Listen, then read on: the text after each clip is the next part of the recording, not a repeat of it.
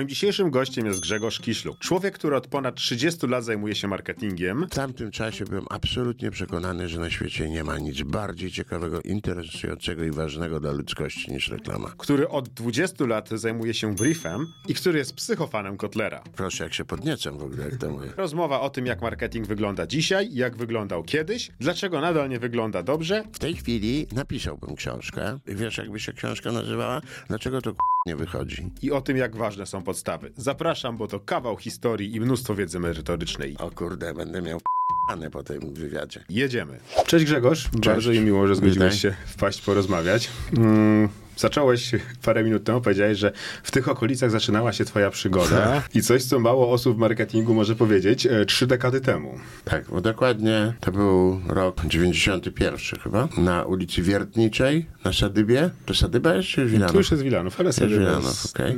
o- obok granicy jest. Y, że Pierwszą siedzibę miał Publicis, francuska agencja reklamowa. Ta, ag- ta, wtedy Publicis był połączony biznesowo z FCB, był taki, z amerykańską agencją, był taki podział rynku, że Publicis obsługiwał podobnych albo tych samych klientów w Europie i w Azji, a w Afryce i Ameryce FCB. I ja rzeczywiście na Wiertniczej 107 od pierwszego dnia istnienia agencji zacząłem tam działać. Jak, jak to wyglądało? Ja jestem pokolenia, mówię tu o, o tej grupie y, czy próbie biznesowo-marketingowej, reklamowej, z pokolenia, które przydarza się w historii rzadko, ale jednak się przydarza.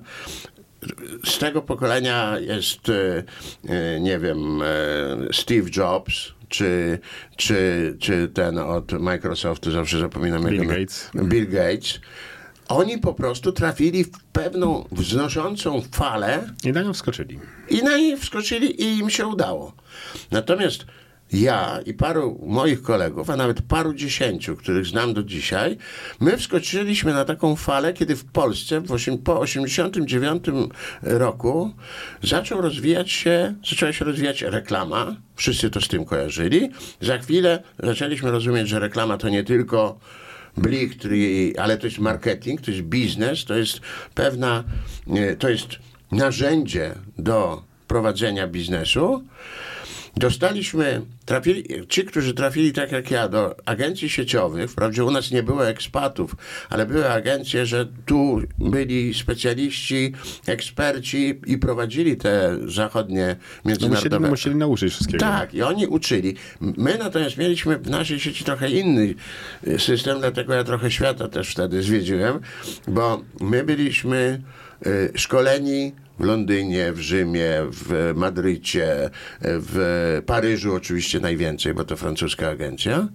I dostaliśmy niesamowitą szkołę i moja historia wejścia do, e, do reklamy jest anegdotyczna w sumie, bo ja pierwsze swoje życie zawodowe, zaraz zresztą po takim policjalnym studium ekonomicznym, pierwsze 12 lat spędziłem w teatrze telewizji. Ja byłem kierownikiem produkcji, zrobiłem ponad 100 przedstawień telewizyjnych, teatralnych jako producent. A potem przez dwa lata byłem wicedyrektorem Teatru Powszechnego i w Teatrze Powszechnym odbywały się raz y, w miesiącu, w poniedziałki, kiedy teatr nie pracuje, odbywały się koncerty jazzowe. To jeszcze była hibnerowska, hibnera tradycja.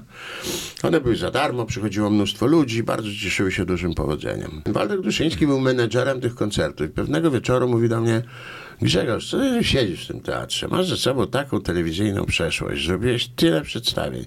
Tu raptem zarządzasz, ile tu jest, 150 osób do zarządzania? A my agencję reklamową zakładamy. Mnie się agencja reklamowa, muszę przyznać, trochę kojarzyła. Ale bardzo niewiele.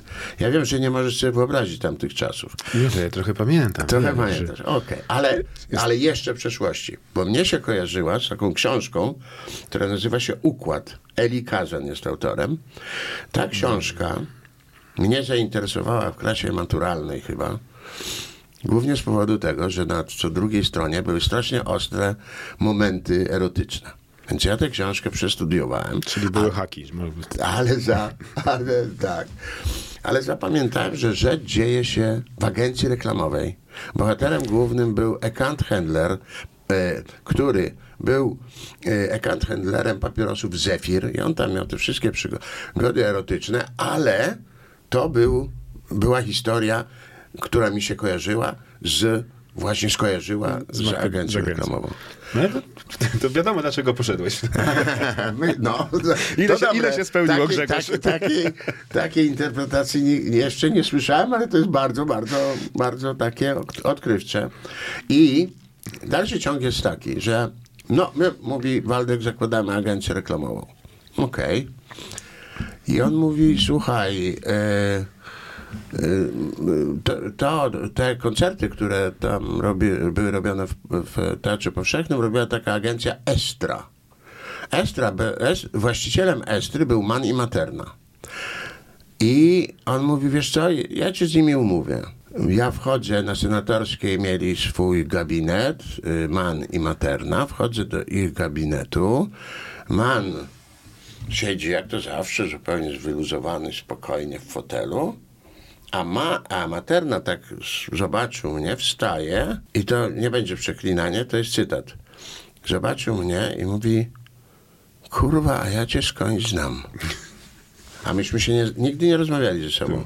Ja mówię, no znasz, bo na Woronicza przez 12 lat przetwarzaliśmy się, tak zresztą pamiętam to sformułowanie, na tych samych korytarzach. I teraz uwaga, on mówi, ma taki ciąg logiczny. Pracowałeś w medium. No, w telewizji. A my szukamy dyrektora działu mediów do naszej agencji. I ja z miesiąca na miesiąc zostałem dyrektorem działu mediów w polskiej, polskim oddziale jednej z największych sieci reklamowych świata w Publicisie, który był wtedy połączony ze FCB. Dlaczego o tym mówię? Mam nadzieję, że powoli już jest jasne. To była ta szansa, którą ja i wiele osób w różnych branżach w tamtym okresie, kiedy zmienił się Ustrój ustrój system gospodarczy, możliwości i ludzie to wykorzystali. A teraz jest raczej taka bardzo nieciekawa sytuacja. Tak trafiłem do reklamy. Każdy jakoś musiał, wiesz. No, ja, ja, trafiłem do reklamy trochę na fali internetu, tak, drugiej. No, bo to, to druga fala. Jak się zaczął brief w ogóle? Bo brief to A. jest olbrzymi kawał twojego CV. e, To są ponad też dwie dekady przygód już. To się, jak to się zaczęło? To się zaczęło tak, że ja w, po siedmiu latach pracy w Publicisie, gdzie, co podkreślam i nie, nie jestem tu skromny, bo taka jest prawda, odebrałem, tak jak wiel, wielu moich kolegów, bardzo dobre takie przygotowanie marketingowe, ale przede wszystkim reklamowe. Robiliśmy kampanie. mm, e, Zazwyczaj były to przeróbki kampanii międzynarodowych, ale jednak, co by nie mówić, kontakt z takimi klientami jak Renault, jak L'Oreal, jak Garnier, jak Coca-Cola nawet w pewnym momencie, polskimi klientami, Mol, Malma na przykład, e, był duży i doświadczenie bardzo duże zdobyliśmy wtedy.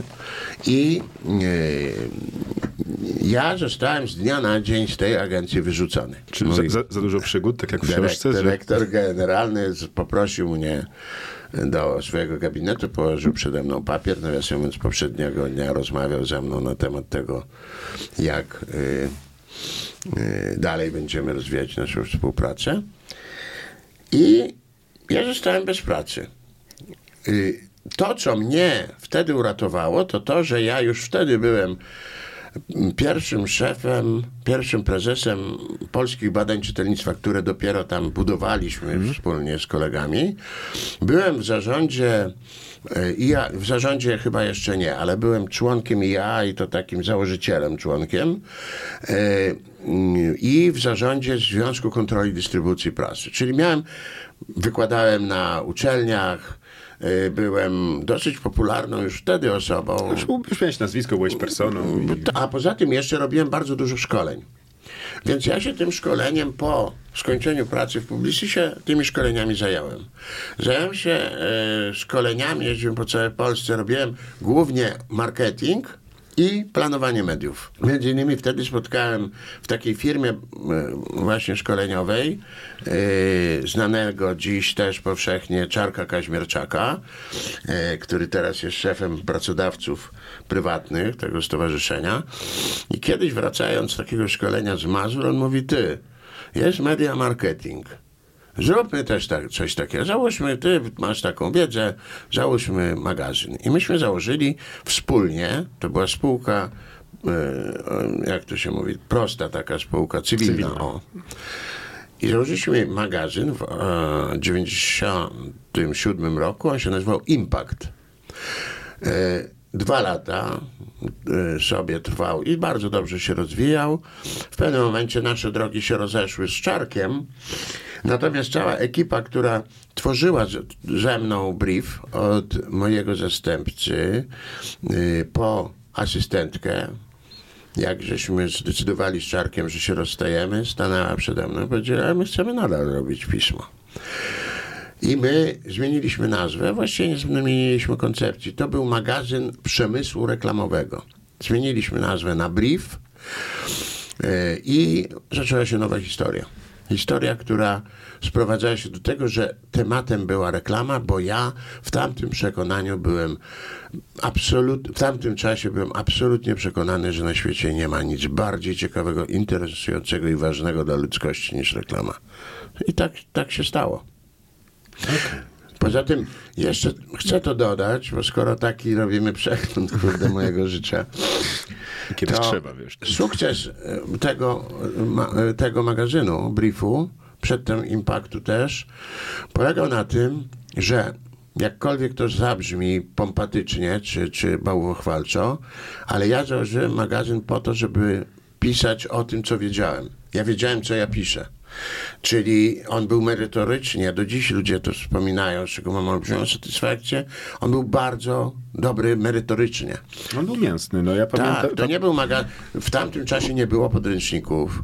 Także m, ja dziś, do dziś spotykam ludzi w moim wieku no, i, i nawet starszych, którzy dzień dobry, dzień dobry, Grzegorz Kiszluk, brief. Brief? O, ja się uczyłem z briefu. To by uczyło się, no, albo, albo była cegła Kotlera, No, albo, no, której- albo niewiele więcej, albo marketingu internetowym w ogóle nic nie było, jak ja zaczynałem. A teraz wykorzystajmy twoją unikalną wiedzę. Tak jak trzy, trzy dekady e, się w to bawisz, jak ty w ogóle oceniasz polski rynek? Tak z, z lotu ptaka, jak miałbyś ocenić ostatnie 30 lat, jak ta reklama się zmieniała razem z Polską? Bo Polska się zmieniła, gospodarka się zmieniła, no ale rynek reklamowy też no, przeżył co najmniej dwa, jak nie trzy trzęsienia ziemi, nowe pokolenia. Wiesz co, ja nigdy, zawsze, całe życie zarzekałem się, jak ktoś mi mówił, nad wydawnictwem i proponowałem, żebym napisał książkę, to zawsze mówiłem nie. W tej chwili napisałbym książkę. Byłaby skonstruowana w taki sposób. Ja bym chciał odtworzyć historię gospodarczą, taką ogólną, też społeczno-polityczną Polski od 1989 roku i na to nałożyć moje doświadczenia z rynku reklamowego, marketingowego i biznesowego. I to, wiesz, jakby się książka nazywała? Dlaczego to kurwa nie wychodzi? Ja, Co, mam dla ciebie okładkę. Zdjęcie z otwarcia pierwszego Burger Kinga na Placu Konstytucji. To takie te orkiestra wojsk, nie, nie wojskowa, strażacka, ludzie w smutnych tych niosących logo tego. tym jest też zawarta odpowiedź na pytanie, jak ja oceniam ten rynek. Znaczy, on się toczy siłą rozpędu, bo już nie może się nie toczyć. Jasne. Natomiast on, tak tocząc się, to zbacza co rusz w jakieś dziwne strony. Mam tu na myśli marketing. Właśnie powiedziałeś o kotlerze. Ja mam i wiele osób pewnie powie, że to jest wada. Ja mam zboczenie pod tytułem puryzm definicyjny. Ja nauczyłem się marketingu, wiem co to jest marketing i będę go bronił do ostatniego guzika. I nikt mi nie powie, że jest marketing na przykład internetowy. Ja wiem, co to jest marketing i nie, nie mam za dużo szacunku do Kotlera i do marketingu, żeby kalać to pojęcie jakimś jeszcze internetem, z całym szacunkiem dla internetu. E, żeby usprawiedliwić to, co, co, co powiedziałem przed chwilą, marketing internetowy sugeruje, jakby marketing można było uprawiać w internecie. Podczas gdy w, inter, w internecie, bo internet jest medium, jest e, narzędziem komunikacji marketingowej, w internecie możesz uprawiać promocję ale nie cały marketing. W związku z tym może być na przykład marketing internetu, gdzie produktem jest internet, jest cena potem, jest dystrybu dystrybucja, a na końcu jest promocja. I to, co możesz robić, jak masz produkt pod tytułem internet, jak masz dystrybucję zapewnioną, czyli wykorzystujesz w jaki sposób będziesz, o, w których kanałach będziesz o tym korzyściach z korzystania internetu e, e, promo, e, mówił i jak masz cenę skonstruowaną na te twoje oferty związane z internetem, to mamy do czynienia z marketingiem internetu, ale nie mamy marketingu sportowego na przykład, czy marketingu telewizyjnego, może być marketing telewizji, może być marketing sportu. Dlaczego to nie działa? Dlaczego? to ja będę, ja będę mielił. Ja też uważam, że w Polsce marketing jako cały nie działa. Mm, wrócę do tego wątku twojego marketing internetu, marketing internetowy. Mam swoje teorie. E, jak zwykle chodziło o komunikację. Ale wracając, dlaczego w Polsce marketing nie działa? I wiesz, e, może rzucę tak, pogłębię ci, pogłębię tą piłkę, którą ci rzucam. E, mnie najbardziej w polskim marketingu boli to, że my nie robimy nic ciekawego. Firmy, które mają budżety, boją się, bo jest centrala za granicą i zetnie nam budżet i musimy zrobić copy-paste, nawet jak to jest rynek niemiecki, kampania była nierelewantna, to nie robimy. W Polsce, wiesz, mieliśmy odważne rzeczy w stylu Frugo, Heja, i to są, wiesz, i można Proszek to policzyć. Polena 2000. Polera, ojciec prać tak. I, i, i, tak, i, i, tego typu rzeczy. Ale wiesz, no to można policzyć na, na palcach jednej ręki pracownika tartaku. A... ciekawe koncepty marketingowe w Polsce nie powstają takie, że miały ręce i nogi. Ja kilka lat temu jeszcze z taką nadzieją patrzyłem na filmy Adrian od Rajstop, jak za, sam początek, jak zaczęli. I tak właśnie, czy to jest tak głęboko przemyślane, czy oni strzelali? No potem wyszło, że trochę strzelali, bo któraś tam realizacja, no ale brakuje mi w Polsce odważnego marketingu. Dlaczego jest, jest zepsuty i dlaczego, dlaczego jest taki płytki? E, to jest strasznie głębokie pytanie i e, różne są, w zależności od tego, którą kategorię firm weźmiemy, są moim zdaniem różne odpowiedzi. Na przykład powiedziałeś o dużych firmach, korporacjach. Zazwyczaj odpowiedź jest bardzo prosta.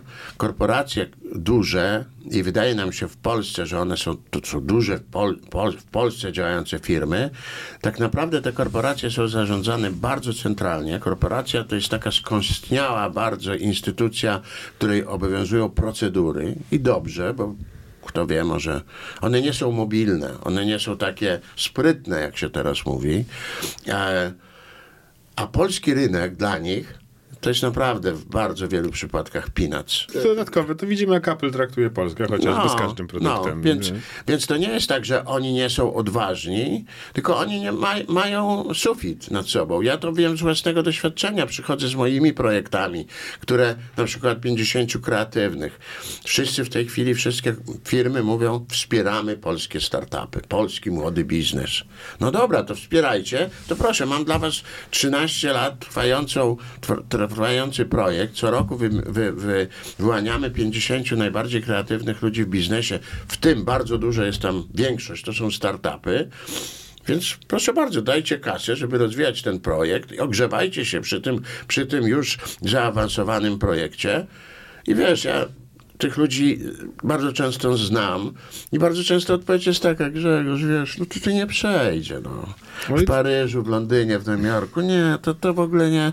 Ja nawet nie będę stary, ja naprawdę obiecuję. No, nawet nie wyślę maila ja sprawie. Ci dam, dokładnie. Ja ci dam, wiesz, tam te parę tysięcy na ten projekt, mm. ale y, będę przy okazji oczywiście to dla niego jest korzyść osobista taka, e, znaczy budowanie wizerunku. Będę w tej kapitule, będzie moje zdjęcie, będę spotykał się na tych wszystkich spotkaniach, potem na gali i tak dalej. Ale to, co powiedziałeś, ja nawet nie, no, no sorry, nie, nawet nie wyślę maila, bo stracimy obaj czas. To jest pierwsza. Pierwsza wersja z dużymi mhm. firmami. Natomiast jeżeli chodzi o średnie i małe, przy czym na końcu tego małe to są takie firmy, z branży mięsnej na przykład, domyślcie się jakie marki, jest ich trochę, bardzo prężnie działające i rozwijające się, gdzie na czele jest zazwyczaj masaż, czyli ten, który robił kiełbasy 30 e, lat temu, przyszła zmiana gospodarcza, gospodarki i on założył firmę. Dzisiaj ma prywatny samolot czy helikopter, kupę kasy i po co mu robić odważne rzeczy? Kiełbasy zawsze będą się sprzedawały. A jak ty, jako specjalista od marketingu, przyjdziesz do niego i powiesz, panie Jerzy, panie Krzysztofie, ja panu pomogę jeszcze bardziej się rozwijać, a może wejść na rynki międzynarodowe, to pierwsze pytanie, które od, w odpowiedzi usłyszysz, będzie, a robił pan kiedyś kiełbasy? No to o czym my mówimy? Ok? I teraz jakby taka general, bardziej generalna konstatacja. Jest taki dowcip, jak Amerykanin przyjeżdża do Anglika, wychodził na ogród, na ten backyard i Amerykanin oniemiał. I nie może wyjść z podziwu. Mówi, stary, jak ty to robisz? Co? Jak ty utrzymujesz tak kapitalnym stanie swój trawnik?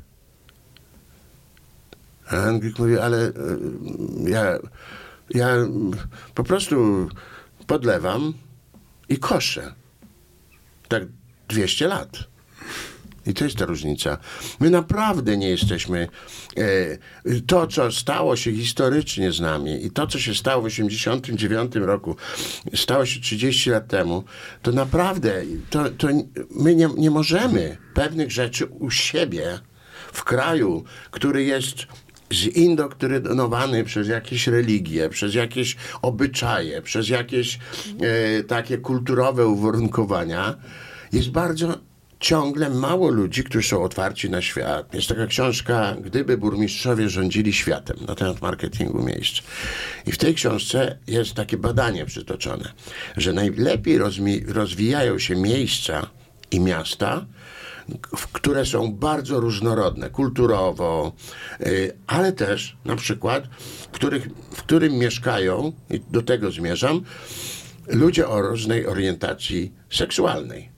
Zobacz, ile my mamy debat na temat uchodźców, na temat religii, obrażania uczuć religijnych. Tak, tak, co robić z narządami rodnymi, to też bardzo lubimy. Tak, tak, tak. Także ja myślę, że to jest przyczyna i ona jest bardzo głęboka i to nie jest od tak coś, że strzelamy z palców i to, to zmieniamy. Kurczę, tak się chwalimy jakąś uła- ułańską fantazją, innymi rzeczami, a polska reklama, czy namówienie polskich przedsiębiorców do czegoś, to jest po prostu jesteśmy tak zachowawczy jak e, XIX wiek. Mówiliśmy już o podcastach kilka razy. No ja uwielbiam to, co się dzieje w Stanach na rynku podcastów. Jest na przykład taki znany komik Tim Dillon. No, on ma taki bardzo hardkorowy humor, on jest gejem, e, z Irlandczykiem z któregoś tam e, pokolenia. E, bardzo znanym, Strasznie. Jak, jak on jedzie e, humor, to o mordowaniu żydowskich dzieci albo pytanie Palestyńczyk do, do Żyda. W Polsce Dla- byłby dlaczego, dlaczego, dlaczego strzelacie do dzieci? A z kim mamy walczyć z dorosłymi?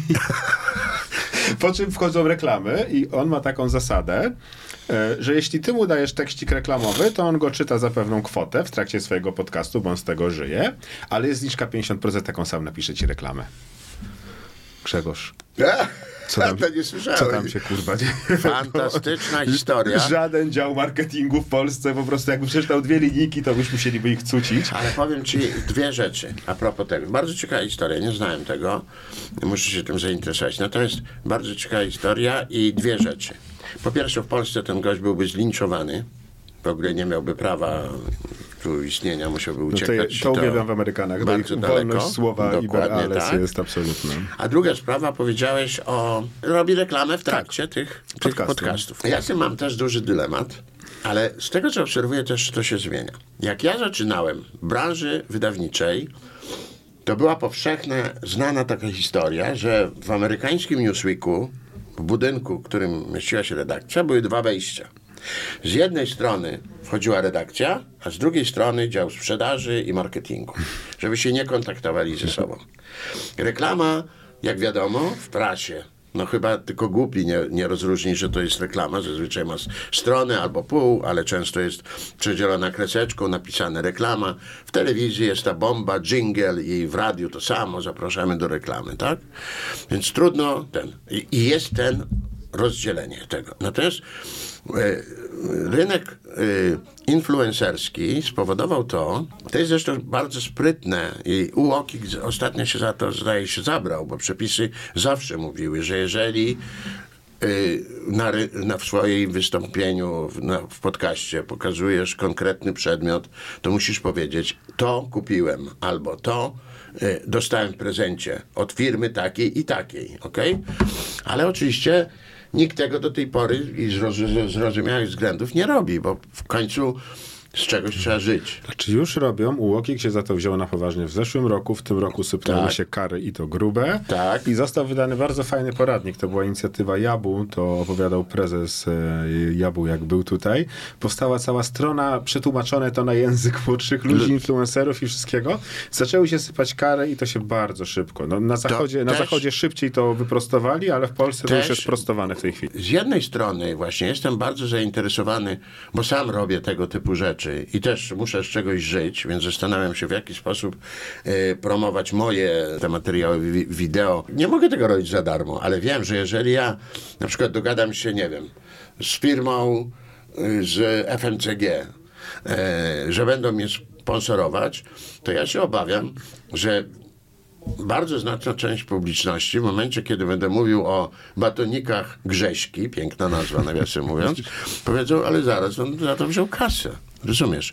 Więc e, to, to jedna rzecz, ale z drugiej strony jestem też za uregulowaniem tego, bo influencerzy chyba już trochę o tym powiedzieliśmy, ale e, bardzo ważne w e, skuteczności reklamy są dwa elementy. Podświadomość, nieracjonalne myślenie, tylko podświadomość i sympatia. Uczucia są niesłychanie ważne w reklamie. Czyli jeżeli kogoś lubisz, Kupisz. lubisz influencerkę, która mówi o modzie albo o, o, o makijażu i ona używa jakiegoś produktu, to ty już wierzysz, że to jest dobre. To jest ten element, który w reklamie nazywa się testimonial. Czyli jeżeli e, promujesz e, paraleki, to najlepiej, gdyby aktor, który o tym mówił, był w białym kitlu. Tak, i nie musi być napisane, że jest lekarzem, ale, Ale- twój mózg połączy... No, dokładnie, dokładnie, dokładnie o to chodzi.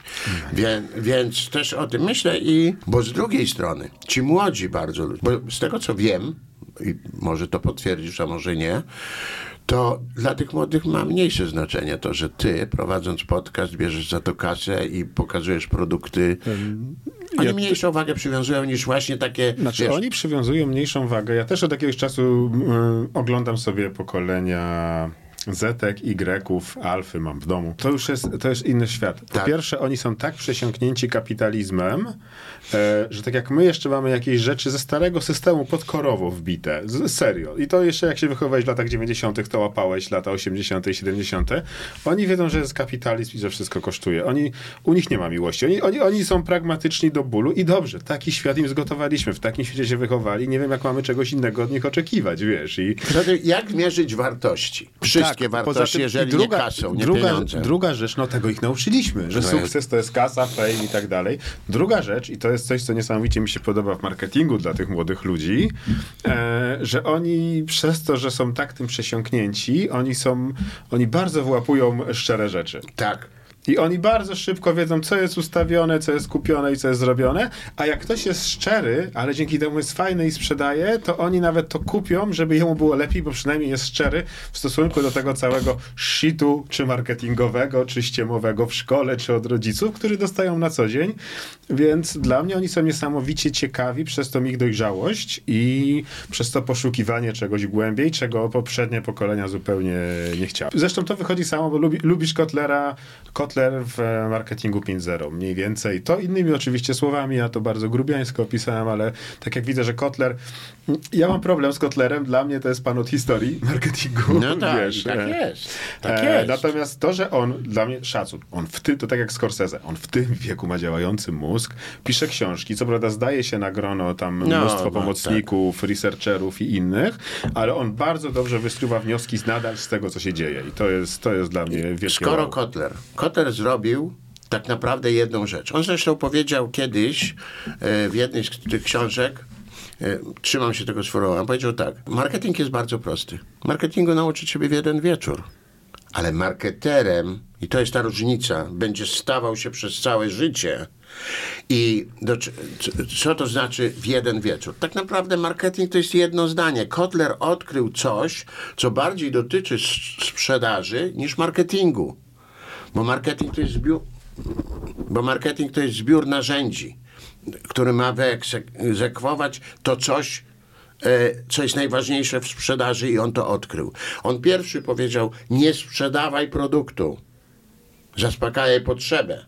Najpierw zbadaj, czego człowiek potrzebuje, a potem tak dostosuj swoją ofertę, żeby proszę, jak się podniecam w ogóle temu. Nadal, nadal po tylu latach działa. Ale, nie, ale to, to jest. idzie- no bo to jest- no bo ale to- to jest logiczne.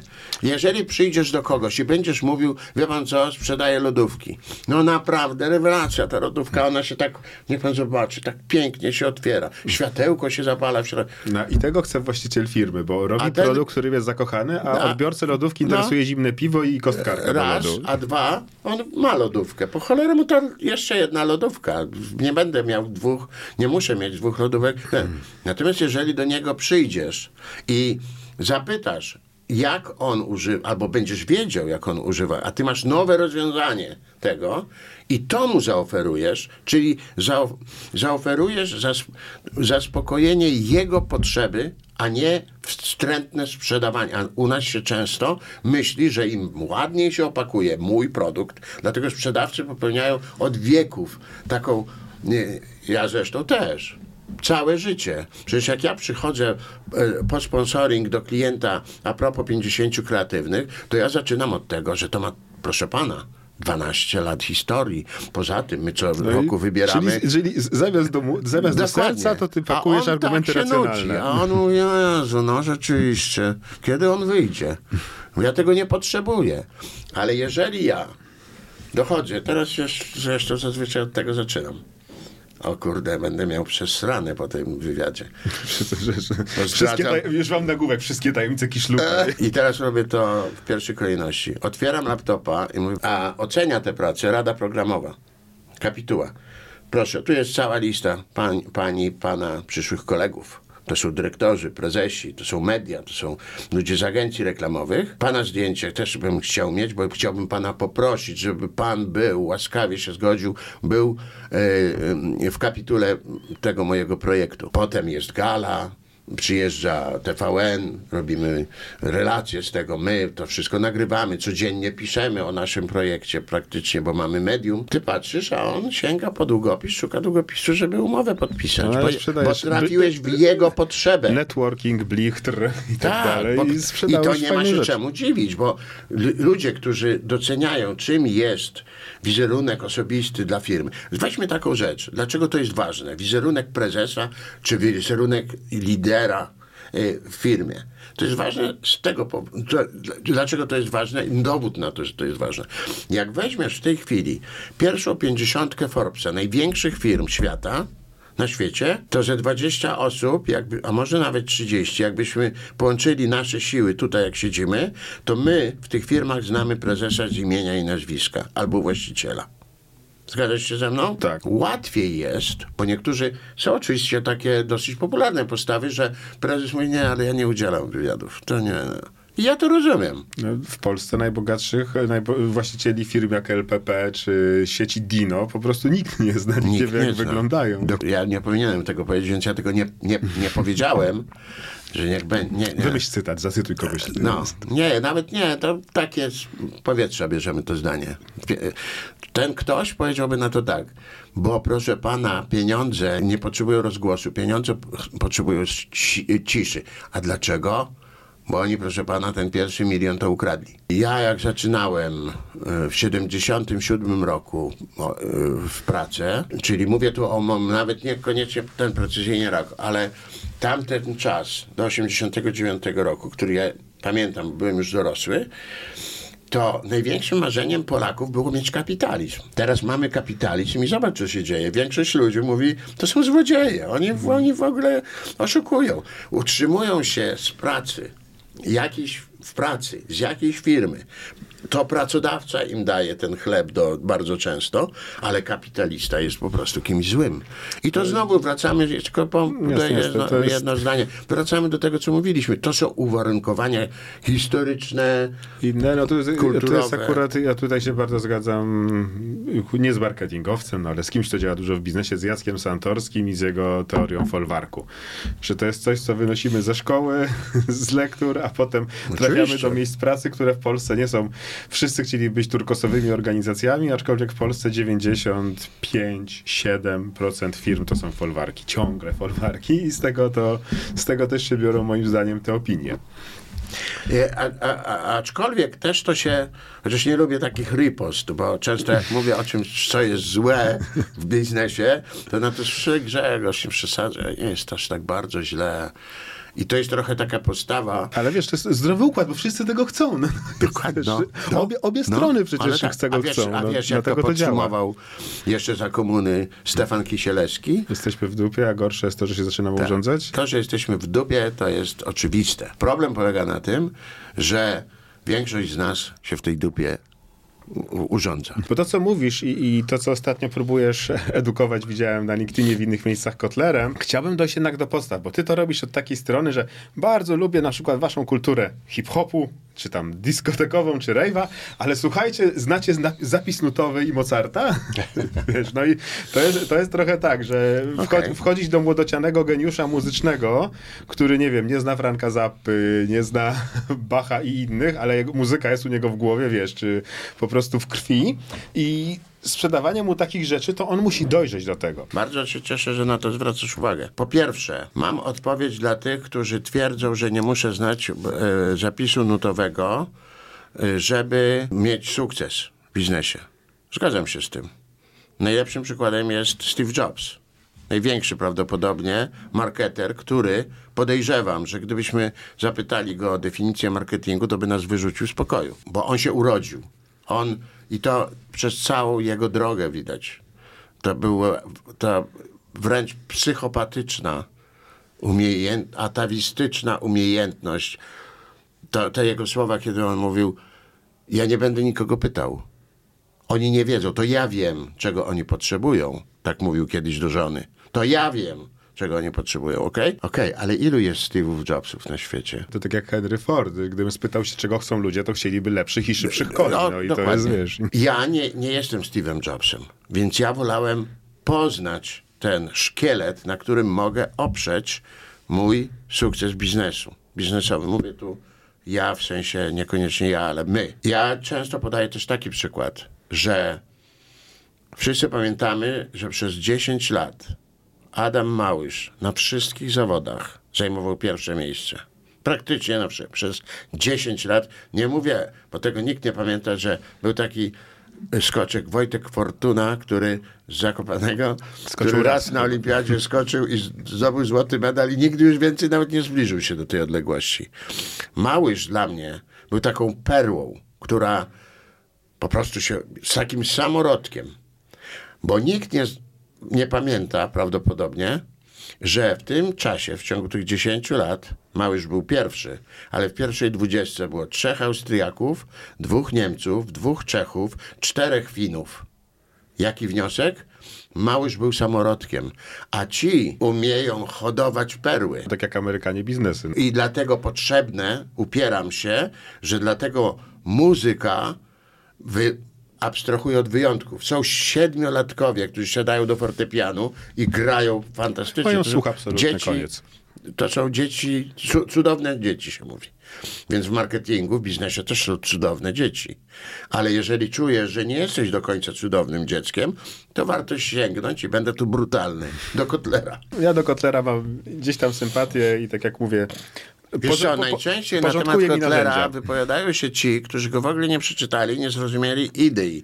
Tej prostej idei, idei o której powiedzieliśmy, że właśnie nie sprzedawaj produktu, zaspokajaj potrzebę, a ja ci tu, i to jest marketing, bo to, to jest idea, to jest, ja nazywam to filozofią marketingu.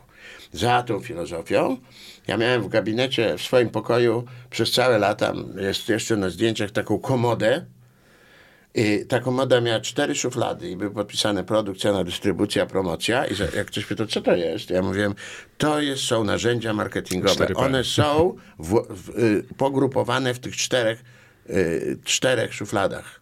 Jeżeli chcesz robić biznes, to musisz wiedzieć, jaki jest twój produkt, jaki ma kolor, jaką ma konsystencję, do czego służy i tak dalej. Musisz to dystrybuować. Musisz na to ustawić cenę. A cena to nie jest tak, że wziąłeś ją po prostu. Za tym idzie cała strategia. Możesz y, tę kawę sprzedawać jako eks... One, whisky. Większość ludzi w ogóle nie odróżnia. Woda to woda i tyle, nie? A i, ale są ceny bardzo wysokie i są ceny niskie. Więc sprzedajesz jako produkt ekskluzywny albo sprzedajesz jako okazję. W związku z i za tą strategią idą konsekwencje na tysiące różnych rzeczy, jak będziesz, w, bo promocja jest na samym dole. No, to jest ta Promocja jest ostatnia, ostatnia, no to jest jest- ostatnia, jest to ostatnia szuflada. Dlatego jeżeli widzisz fajny spot reklamowy, czy fajny billboard i mówisz, ale mają fajną, fajny marketing, to nic nie mówisz. To zrównałeś tę całą szafę z jedną szufladą. I to jest ta różnica. No z tym, co widzisz, no wiesz, no, nie, nie, nie zastanawiasz się, dlaczego... I nie musisz. Promocja powinna być tak dobra, że po, nie, ty, żebyś ty. To, to jak, jak muzyka w filmie. Jak wychodzisz, a ktoś mówi, słuchaj, jaka fajna muzyka. A była w ogóle jakaś muzyka? To jest ta muzyka ilu, y, ilustracyjna. I w marketingu jest, w biznesie jest to samo. Tak to powinno być skonstruowane, że ty nie wiesz, że tam ktoś się namęczył nad strategią dystrybucji. Nad stra... Po co? No tak, ale wiesz, to, to, jest, pro, to jest problem tym, z Łukaszem Kosuniakiem, rozmawiałem o tym jakiś czas temu, że w wielu firmach marketingowiec jest na końcu i on już on nie wie o poprzednich trzech P, on już robi tylko ostatnie P w oderwaniu od wszystkiego innego na określonym budżecie i wiesz, i, W firmach przychodzisz do firmy, dzień dobry, ja do działu marketingu, ja do marketingu. To usłyszysz to, a, dział marketingu, wie pan to, u nas marketing to jest e, tym korytarzem, pójdzie pan prosto, potem w prawo i ostatnie drzwi. To jest tak, marketing. dzia, dzia, dział wydawania pieniędzy. tak. Ale od czego to się zaczyna? Jest taki też autor, którego nikt już nie czyta, którego polecam mimo wszystko. On się nazywa e, Jack Trout. Poza tym, że napisał razem z Alem Rice'em słynną książkę Positioning, gdzie w ogóle powiedział, co to jest marka. Bo niedawno zamieściłem w mediach społecznościowych takie zdjęcie. Jest sierść, prawdopodobnie krowy, a nie widać, że to zwierzę w ogóle. Jest taki metalowy do wypalania, nie wiem jak to się nazywa, taki, No, do znakowania też. tak, do znakowania krów, taki ten. I Znak... Co to jest? To jest co-branding, czyli brandowanie krów. Od tego się, wziął się branding, czyli y, y, y, marko, marka. Brand, marka. Y, Tak kowboje oznaczali swoje krowy. I Jack Trout i Al Rice w swojej książce mówią, że marka to jest taki wypalony w mózgu, jak na krowy ciele znak, który jak słyszysz Coca-Cola, to nic nie musisz tłumaczyć. No, ale tak samo to właśnie to, co powiedziałeś o Jobsie. Ja też uważam, że Jobs był geniuszem, wcale nie za iPada, wcale nie za nic innego, tylko że wszystkim wypalił jabłko i że jest pierwszą, jak dotąd jedyną firmą technologiczną, która przeniosła się z firmy geekowsko sprzedającej nasz procesor ma tyle i tyle, przeniósł tą markę po prostu do marki premium i ani Samsungowi, ani Xiaomi, ani nikomu innemu się to jeszcze nie udało i prawdopodobnie nie uda, bo, bo nie rozumieją całego równania. E, tak, a wracając jeszcze do tego działu marketingu, to właśnie ten e, Jack Trout napisał taką książkę, która jest już w tej chwili hasłem. Mało kto pewnie pamięta, że to jest tytuł książki Wyróżnij się albo zgiń. I w tej książce jest taki akapit, który ja są, jest parę takich tekstów, które są moimi przewodnikami w biznesie. I ten, taki, ak- ten akapit brzmi tak. Największym nieszczęściem każdej firmy jest to, że rośnie. Bo masz pomysł na biznes, jesteś sam, zaczynasz kombinować, jesteś w tym momencie strategiem, e, e, e, marketer, marketerem, sprzedawcą, księgowym, prawnikiem, wszystkim. Ale firma zaczynasz sprzedawać. Firma ci się rozrasta. On mówi tak, dochodzisz mniej więcej do 10 osób, wyjmujesz papier, długopis i na tej kartce rysujesz wagoniki. Dział sprzedaży, dział marketingu, dział finansowy, dział księgowości, dział strategii. Idzie ci dobrze biznes. W związku z tym do każdego działu starasz się zatrudnić najlepszego człowieka. Zatrudniasz. I on mówi, w tym momencie założyłeś sobie pętlę na szyję. Dlaczego? Bo ci najlepsi szefowie poszczególnych działów, prosta rzecz, to są takie silosy. No, silosy. silosy i będą ze sobą konkurować. Będą ze sobą konkurować. I on mówi, kończąc już tę analogię, mówi, to tak jakby twoja nerka zaczęła walczyć z twoją prawą nerką. I tak wygląda to w korporacjach, tak wygląda to w biznesie. Tu jest komunikacja. Powiedzieliśmy o, o, o, o jakimś sensie o formułowaniu komunikatu. I to, że y, te media społecznościowe, które wymieniamy na razie na samym końcu, czyli Twitter, y, czyli TikTok i e, czy nawet, no Twitter to jest zupełnie inna bajka moim zdaniem, ale, ale y, to, TikTok i y, Instagram i one są króciut, skrótem działają. Tym wywiadzie, to, to teraz tak. Zawsze tak było i zawsze to było skuteczne. Jest taki gość, na którego tu znowu chcę się popisać swoją głęboką wiedzą i powołam się na Ogilvy. Jest takie nazwisko Ogilvy, są agencje Ogilvy and Mather i wcale to nie jest tak, że to jest Ogilvy i matka, tylko Ogilvy i jego przyjaciel Mather założyli agencję. I tenże Ogilvy, człowiek niesłychanie zdolny, który kiedyś powiedział tak, jeżeli mam w swojej agencji copywriterów, to ja nie krytykuję ich za to, że oni palą papierosy, wychodzą, piją kawę, dyskutują w kuchni i tak dalej, i tak dalej, a tylko na 10 minut siadają przy kartce, w tej chwili przy komputerze i piszą hasło reklamowe. Dlatego, że samo hasło reklamowe, on mówił, hasło reklamowe kon- konstruuj tak. Napisz całą kartkę, o czym chcesz mówić, a potem po kolei wykreślaj wyrazy i najlepiej jak dojdziesz do jednego słowa. Czyli skrót w reklamie. Nawiasem mówiąc, jest taka anegdota, że nie pamiętam, Mozart czy jakiś taki kompozytor napisał kiedyś do swojego przyjaciela list, który zakończył takimi słowami. Przepraszam cię, że napisałem dziś taki długi list, ale nie miałem czasu, żeby napisać krótki. Wiesz, czego to jest niedoceniane, bo umiejętność skracania, ja to widzę po sobie tworząc coraz krótsze materiały, no bo czas uwagi jest krótki, ludzie mają mało tego czasu, musisz im sprzedać i nie masz czasu wyjać wszystkiego. E, aczkolwiek w Polsce absolutnie niedoceniane jest to, że kompresja kosztuje o wiele więcej czasu, że tak jak mówisz, jedno zdanie dobre reklamowe m, tworzy się tydzień albo i dłużej. Oczywiście. Ale pięć stron tekstu nawalić, jaka ta kawa była pyszna, to jest y, 20 minut roboty. W, Tak jest. w telegraficznym skrócie. Jednak Polacy lubią cenę za kilograma. Wiesz, To jeszcze płacą- się narażę. To jeszcze się, nie tobie, tylko w ogóle, generalnie rynkowi. To, że tak jest źle i dlaczego to kurwa nie wychodzi, to w dużej mierze jest. Oj, strasznie się narażę. Nie będę miał w życiu chyba sponsorów. Y, To jest wina marketerów w Polsce. To jest wina firm, a największa wina korporacji. Nie, i to nie jest tak wina, to co powiedziałem, to nie jest Polaków wina, które zarządzają. To często jest to, że my po prostu jesteśmy mechanicznym wykonawcą pewnych strategii przygotowanych gdzie indziej. E, natomiast od początku naprawdę wysoki poziom y, wiedzy marketingowej, nie tylko reklamowej, osiągnęły agencje reklamowe. Dlatego, że agencje reklamowe, jak tutaj się znalazły, to one musiały, to początek naszej rozmowy, odebrać wiedzę do, od, y, swo, ze swojej sieci, gdzie jak ja jeździłem, bo byłem od tam trzeciego roku pracy, czy drugiego roku pracy w Publicisie, byłem szefem pierwszego domu mediowego y, Optimedia i y, jeździłem na takie zarządy do różnych krajów w Europie, stolic w Europie, to moi koledzy, którzy się, ja wtedy miałem 35 lat, a moi koledzy przy stole byli w moim wieku. Bo jeszcze je, jeden jest bardzo ważny argument, e, ważne spostrzeżenie z mojego ostatnich moich doświadczeń. Mniej ważna jest wiedza.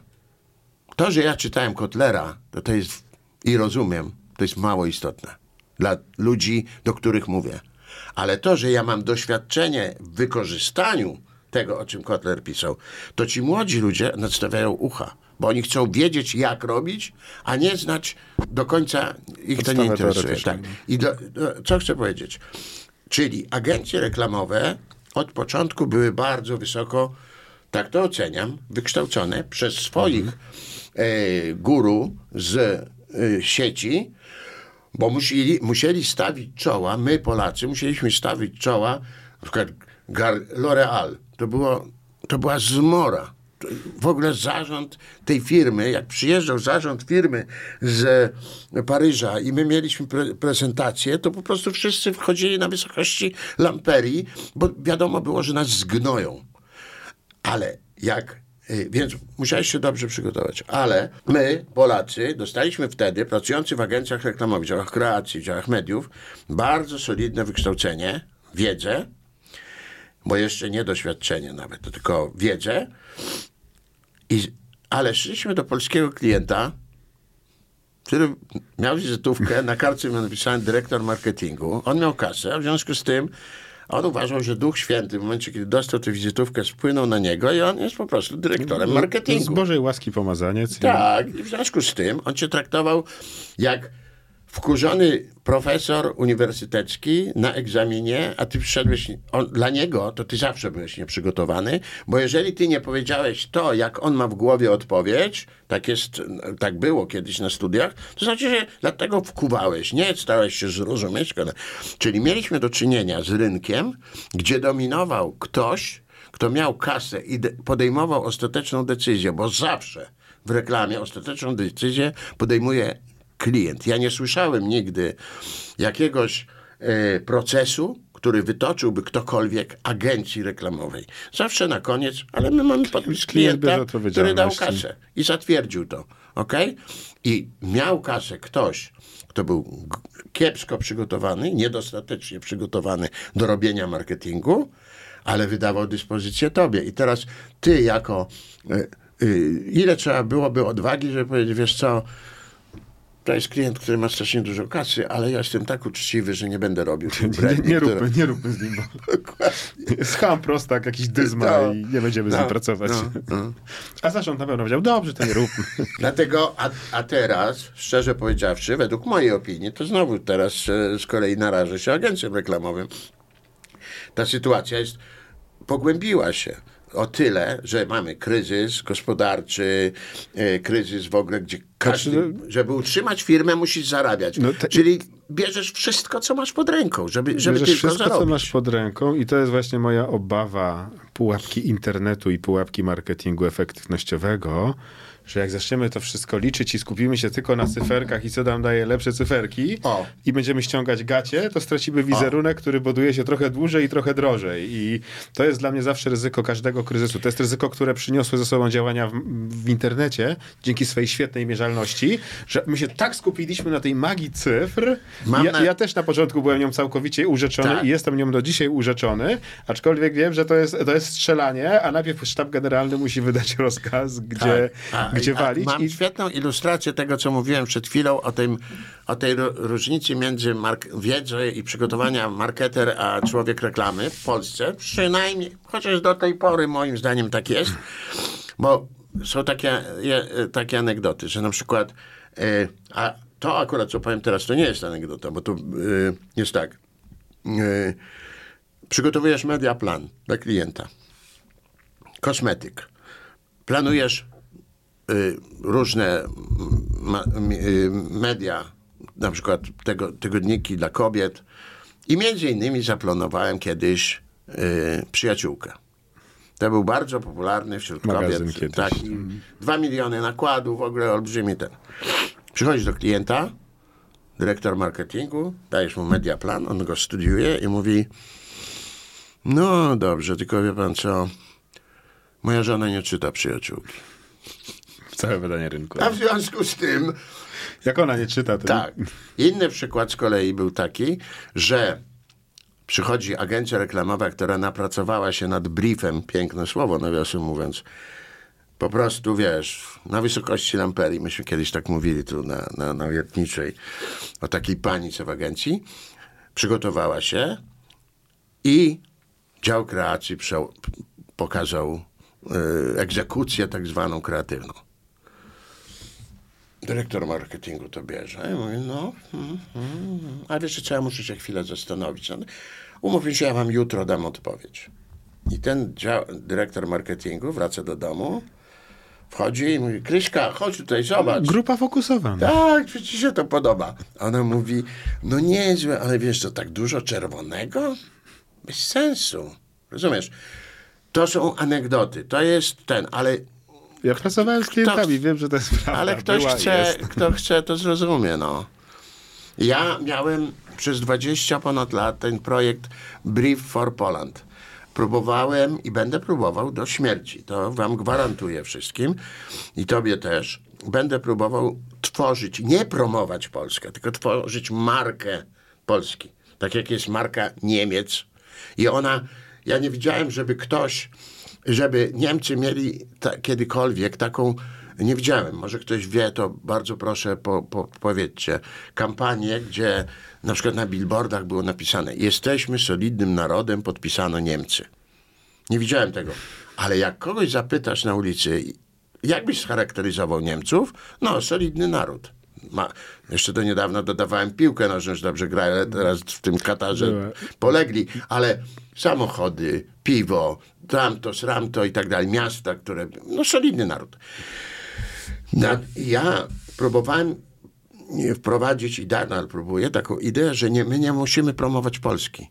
My mamy promować polskie produkty, a polskie produkty to są pralki, lodówki, samochody, ale też to są miejsca, Mazury, Góry, Zakopane, Warszawa, Kraków i tak dalej, miejsca. To są ludzie, Iga Świątek, czy y, niedawno robiłem taki wywiad z podróżnikiem, ponad 100 krajów. Gość zwiedził, pisze książki, Grzegorz Kapla się nazywa. Mówię, jak, y, z czym się kojarzy Polska na świecie? A on mówi, wiesz co, generalnie to Lewandowski. Kiedyś był papież, No kiedyś był papież, potem był Lech Wałęsa. był Wałęsa. Nigdy w Stanach to słyszałem, jak mówiłem z Polski. O, Wałęsa. Czyli e, i e, ja wracam do tego tematu autorytetu, czy wiedzy, czy co, jest, co dominuje. Czy ta opinia żony, którą kocham i wiadomo. Ale nie- jest kiepską grupą fokusową i niekoniecznie Tak. zasiada marketingu, ani na tak moim jest. targecie. To... Tak jest. Czy eksperta? To powiem ci, w pewnym mieście, co leży gdzieś tam między Szklarską Porębą a Gdynią, robiłem dla nich, miałem robić, zresztą prawie dwa lata tam pracowałem, e, kampanię budowania ich wizerunku. Pierwsza moja rozmowa z dyrektorem marketingu i szefową promocji wyglądała tak, że co otworzyłem usta, to słyszałem, ale panie Grzegorzu, pan jest dla nas guru. I przecież myśmy się wszystkiego nauczyli z briefu. Napra- Zaczęliśmy współpracować i krok po kroku, dzień po dniu, tydzień po tygodniu, to oni mieli wizytówki dyrektor marketingu. Co pan tu pieprzysz, panie Kiszl? Te, te rzeczy, które pan opowiadasz. My wiemy, my tu mieszkamy. Rozumiesz? Więc zamiast współpracować, bo ja wiem, oni trzeba tam żyć, żeby wie, poznać produkt do końca. No tak, ale Ale z drugiej strony my, marketerzy, dysponujemy pewną wiedzą, bo, pe, bo bardzo dużo rzeczy jest wbrew pozorom bardzo schematycznych. I ludzki mózg reaguje w bardzo podobny sposób.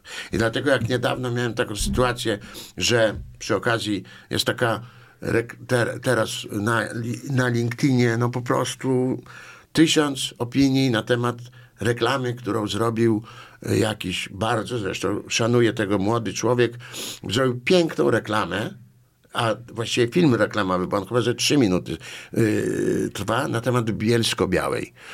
I wszyscy mówią, jaki piękny, jak w ogóle informuje, jak w ogóle... da- A ja zadałem pytanie, czy jest do tego jakaś strategia, czy to jest pojedynczy strzał? Który, o którym wszyscy zapomną za, za, za dwa tygodnie, czy no, jeszcze tam trwa to za dwa tygodnie. Czy jest do tego jakaś strategia?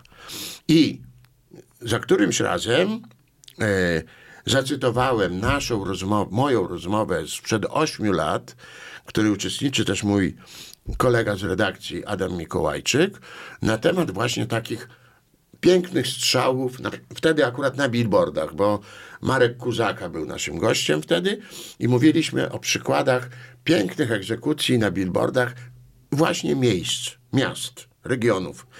I na to usłyszałem ripostę, o, potem w, na, na privie zo- zapytałem go, czy mogę cytować tego młodego człowieka z Katowic. On jednak powiedział, że nie, nie, nie, nie pozwala na to, więc ja mu powiedziałem, że to słuszna decyzja, bo też bym się bał, bym się skompromitował, bo on użył takich argumentów. No proszę pana, o, 8 lat temu to, to nie jedna, to są dwie epoki, które zmieniły wszystko w marketingu. Ok? Zacząłem z nim rozmawiać i tak dalej. On- mi między innymi sprzedał taką informację, bo ja na to odpowiedziałem, że kto jest największym marketerem w historii świata? I kto stworzył najlepszą kampanię, strategię marketingową w historii świata? I, czy jedną z... Kościół katolicki. No zgadzam się, że Piotr, Dwa Piotr tysiące. to dobrze I ogarnął. mówię do niego, piszę do niego, że jest taka książka, która nazywa się Jezus i biel będzie jeszcze bielsza. Yy, Napisał to dziennik Osservatore Romano. Ja bardzo polecam, dla nawet lektury takiej weekendowej, bo on opisuje krok po kroku strategię y, komunikacji marketingową y, Kościoła katolickiego. Analizuje na przykład identyfikację wizualną, monstrancja, baldachim w Brazylii, w Argentynie, w, na Ukrainie i w Polsce są takie same. Ambona to jest medium. E, Wizyty po Bożym Narodzeniu pod tytułem e, Kolenda to jest sprzedaż osobista. I tak krok po kroku. I, tak, I piszę mu, żeby on przeczytał tę książkę. Tak dla, a on na to mnie, wiesz jak odpowiedział? Że on książek, które są wydane tam po 2000, nie wiem, 15 powiedzmy roku, to on nie czyta, bo to już jest przestarzałe.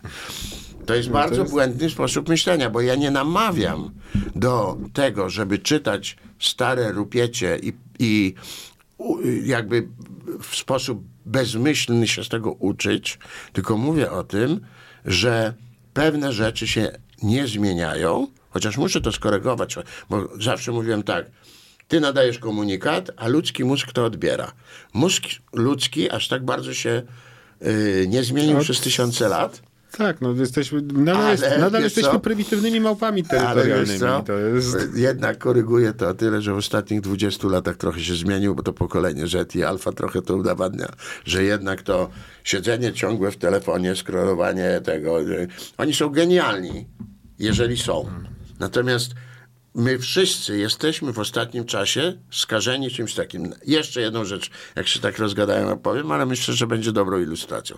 Ja mam syna, y, który teraz ma 15,5 roku, jak miał chyba 11 lat, miał do przeczytania lekturę pod tytułem e, W pustyni i w puszczy. Więc akurat pojechaliśmy na weekend do Sopotu i ja mówię, Antek, czytasz. On się ociąga. Ja mówię, Antek, proszę cię, czytasz. W końcu mówię, okej, zrobimy tak. Ja zacznę czytać na głos, a ty tak się zasłuchasz, że pochłaniasz tę lekturę w czasie tego weekendu. No dobra, zaczynam czytać. Czytam i mniej więcej na trzeciej, może czwartej stronie mówię wiesz co, Antek, obejrzyjmy film. Tego się nie da czytać. No, Połowę kanonu lektur się nie da czytać. Dokładnie, to jest inny język, inny sposób Znaczy, to już jest- opracowania. to To, co jest- MTV i reklamy właśnie nauczyli, nauczyły nas, że możesz dostać informację w minutę, max, to tam jest 30 stron. Nawet Ale wojna, ś- ta, jak to jest ten... Wojna nie- Światów? Wa- No, nie, nie, te słynny taki seria tych filmów. O Jezu, Gwiezdne. Wojny? No, Gwiezdne Wojny. No stary, jak te pierwsze części, No no to to, już tylko to nieco- sentyment masz do tego. Jakie jest twoje marzenie? Co ty byś chciał? Bo robisz brief. Widzę, że, widzę, że to, się- to jeszcze po 30 latach ciebie nadal to kręci. Co ty byś chciał, żeby się fajnego, jeszcze, co byś chciał fajnego zrobić w marketingu jeszcze? Ja powiedziałem, ja mam... Poza, poza zbudowaniem Polski jako... Tak, jako marki. To jest najważniejsze. To jest korzyść dla każdego. Taksówkarza, sklepikarza, bo przyjadą turyści, lepiej, bo będzie więcej roboty, bo... bo Dla centralnego portu tak, lotniczego. To, I- poza tym przez pryzmat też marki patrzy się na wiele produktów. Oczywiście, nawet no, na jak firmy. filmy. Nawet jak filmy, jak kino. Muzyka i- Wiadomo, że skoro jest modna Skandynawia, to filmy skandynawskie, okej, jestem. Więc marka jest bardzo istotna. Co ja bym chciał... Wiesz co, to jest dla mnie najtrudniejsze pytanie. Bardzo dawno temu, że 20 lat temu, jak powstał Brief już, to y, Agata Chmielecka, która była takim moim partnerem, partnerką biznesową, powiedziała mi kiedyś, że zadała mi to samo pytanie. Bo już brief się gruntował, ja byłem coraz bardziej rozpoznawalny. Na, na, na, sorry za ten ton taki jakby celebrycki, ale no tak było. I w pewnym momencie ona mówi, Grzegorz, ty musisz sobie postawić cel, do którego zmierzasz. A my pomożemy ten cel zbudować. Ja kurde, nie, ja nie, nie, nie umiem. Ja powiem ci szczerze, ja działam strasznie ad hoc. Mam jakiś pomysł, zaczynam to realizować. Dlatego właśnie ja nie jestem dobrym strategiem, nie jestem dobrym biznesmenem. Y, Teraz cieszę się bardzo z tego, że mogę robić to, co lubię i nic nie muszę. To jest może przerażająco brzmi, ale ten. Natomiast by, teoretycznie bym chciał więcej y, takie, y, mniej celebryctwa w tym wszystkim, a więcej takiej, że można było rozmawiać, żeby nie było tak, że Merytorycznej roboty. słucham? Merytorycznej roboty, o której Tak. można przedyskutować. Tak, i żeby nie było tak, że ty mówisz coś, co masz głęboko przemyślane, a ktoś mówi, e, stary, to nie będę go słuchał, bo ja nie czytam książek wydanych później niż w 2005 Kultura dialogu się marzy i szacunek to takie dziwne w tych czasach. To jeszcze muszę to powiedzieć. Ja powiedziałem, że mam jeszcze jednego autora, to jest Malcolm Gladwell i między innymi jego książka Punkt Przełomowy, Tipping Point. On tam napisał takie zdanie, które też jest moim przewodnikiem. Nie zmieniaj ludzi, zmieniaj otoczenie. I ja, od, y, my w Briefie od 15 lat, a 12 edycji 50 kreatywnych, wyłaniamy tak zwanych najlepszych startupowców, start, startupy. W Polsce to też nie wychodzi. A, dlaczego? A w Izraelu wychodzi. Na przykład w Izrael, który ma niecałe 9 milionów mieszkańców, ma 33 unikorny, a my nie No, mamy jest żadnego. Jednym z największych jest drugim, czy czy nie, trzecim chyba innowatorem na świecie. No, jest. dokładnie. E, ale tam, co de, o tym decyduje? Niezdolni ludzie, bo zdolni ludzie są wszędzie, w Polsce też, w Indiach, tyle. To otoczenie, które im się udało stworzyć. I to, do czego my w briefie nawołujemy od wielu lat, a teraz coraz intensywniej, nie zmieniaj ludzi. Stwórz system, w, których, w którym te perły będą się same rodzić. Ta nudna, nudna wiedza, nudna teoria przekuta w praktykę. Ale działa, nie żartuję, żartuję. Ale- No to jest to, co mówisz o Niemczech, to, co mówisz o no, Izraelu, jeszcze to na działa. koniec powiedzmy taką rzecz. E, ty mówisz, o, wracasz ciągle do tego, że ja jestem zafascynowany Kotlerem.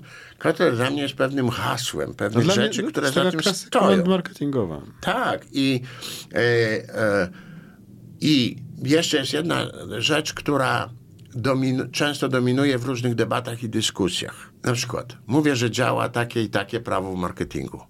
A ktoś na to mówi, ale wiesz co, ja mam takiego kuzyna, który ma znajomego i ten znajomy zrobił to i jemu to nie wyszło. No rany boskie, na wszystko znajdę argument, że coś nie Zawsze wyszło. jest dowód anegdotyczny. Nie? Trzymajmy się pewnych pryncypiów i zasad. I tylko tyle. Zasady. I aż tyle. Super. Dziękuję ci bardzo Grzegorz za rozmowę. Ja bardzo dziękuję. I Bardzo miło było z Tobą rozmawiać.